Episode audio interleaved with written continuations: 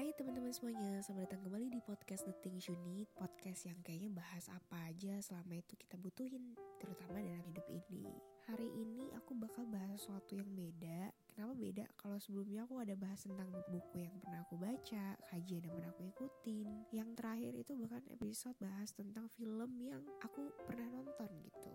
Nah hari ini aku pengen sharing suatu hal yang beda yaitu doa. Jadi salah satu doa yang ya salah satu yang aku favoritin juga. Kenapa tiba-tiba bahas ini? Ya kita tentu setiap hari pastinya sering berdoa ya kan? Sebagai seorang beriman, sebagai seseorang yang tidak berdaya dengan dirinya sendiri Kita punya naluri untuk menggantungkan diri berharap kepada zat yang maha tinggi gitu, maha besar Yang mana salah satu komunikasi kita sebagai seorang hamba yaitu dengan berdoa. Nah tentang doa kali ini yang pengen aku sharing sebenarnya pasti banyak banget sih yang udah tahu. Aku pun sebenarnya ya baru menyadari ini jadi suatu yang aku favoritin tuh 8 tahun yang lalu. Tapi aku tahu doa ini itu uh, kayaknya waktu aku SD deh. Di momen yang orang sini tuh bilang khataman Quran atau betamat Quran ya bisa jadi beda daerah beda provinsi beda budaya mungkin beda penamaannya. Tapi ya intinya doa yang katanya itu yang aku dulu pahamin baru dibaca itu ketika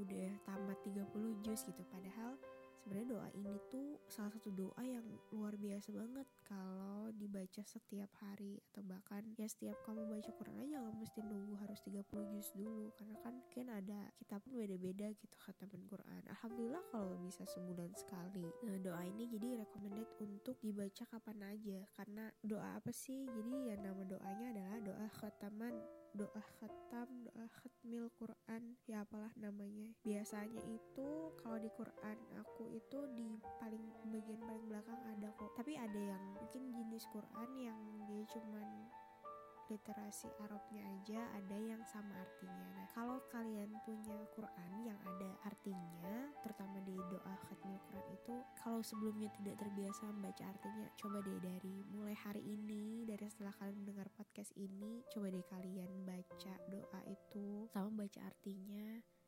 Pas lagi ya lagi posisi kamu cuman sendiri gitu kamu beribadah kamu sedang berkhalwat berduaan sama Allah. Kini tengah malam lebih syahdu terserah sih itu teknis saja tapi ya intinya cobalah berkomunikasi. Habis baca Quran cobalah baca doa khatmil Quran ini. Gak mesti nunggu harus khatam 30 juz dulu. Nah hari ini aku mau bacain ayatnya sih. Tapi sebenarnya bakal lebih afdol ya kalau kamu sendiri yang baca. Doa ini secara keseluruhan artinya tuh bagus banget. Isi doanya tuh luas banget. Jadi mau dibaca kapan pun juga terserah lagi-lagi sekali lagi nggak mesti nunggu 30 juz dulu kayak aku bacain terjemahannya ya Ya Allah, curahkanlah rahmat kepadaku dengan Al-Quran dan jadikan Al-Quran sebagai pemimpin, petunjuk, dan rahmat bagiku. Ya Allah, Ingatkanlah aku terhadap apa yang telah aku lupakan dari Al-Quran. Anugerahilah aku kemampuan untuk senantiasa membacanya sepanjang malam dan siang. Jadikanlah Al-Quran hujah bagiku yang dapat menyelamatkanku, ya Rabbal Alamin. Ya Allah, benahilah pengetahuan dan pengamalan agamaku yang akan menjadi penjaga urusanku. Benahilah duniaku, tempat aku mencari penghidupan Baguskanlah kehidupan akhiratku, tempat aku kembali. Jadikanlah hidupku sebagai tempat untuk melaksanakan segala kebajikan, dan jadikanlah matiku sebagai pemutus segala keburukan. Ya Allah, jadikanlah sebaik-baik umurku agar menjadi amal yang terbaik di akhir usiaku. Hariku yang terbaik adalah hari di saat aku bertemu denganmu kelak. Ya Allah, aku memohon hidup yang nyaman, mati yang tenang, dan tempat akhirat yang tidak memalukan dan menghinakan.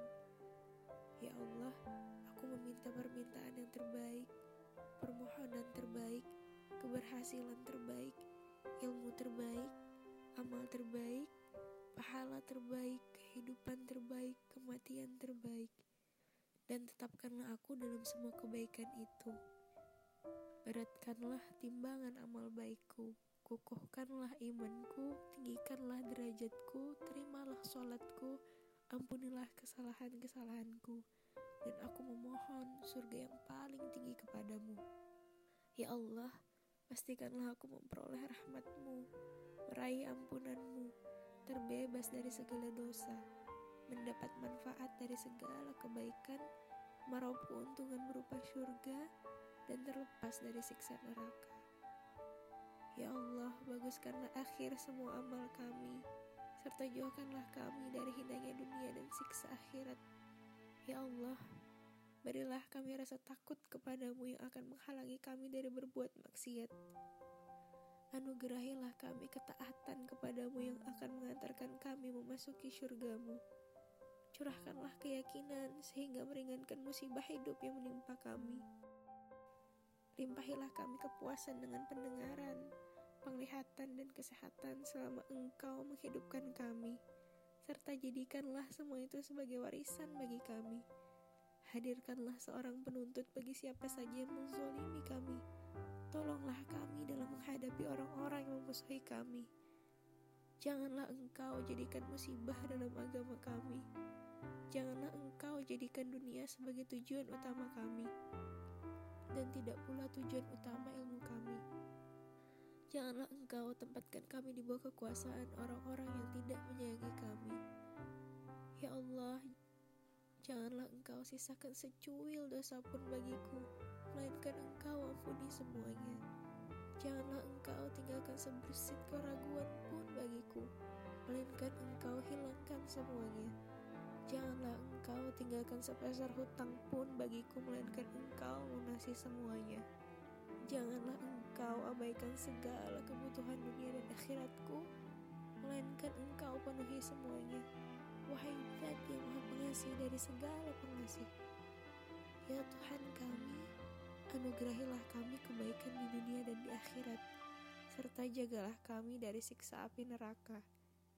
Semoga Allah mencurahkan solawat atas Nabi kita Muhammad Sallallahu Alaihi Wasallam, keluarganya dan para sahabatnya yang terpilih, serta salam yang berlimpah ruah.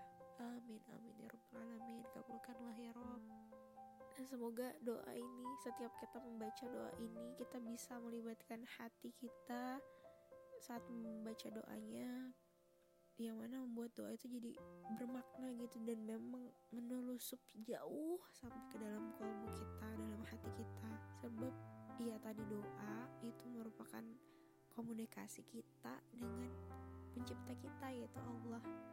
Kalau sampai doa ini tiap baitnya itu nggak ada kerasa apa-apa di hati bisa jadi ada sesuatu yang salah dengan diri kita atau mungkin hati kita sendiri.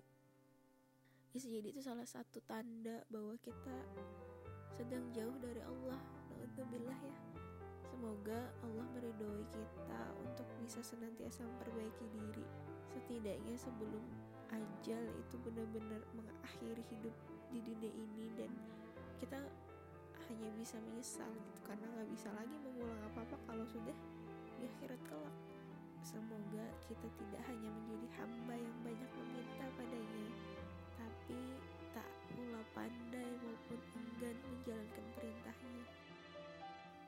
是，也是我们的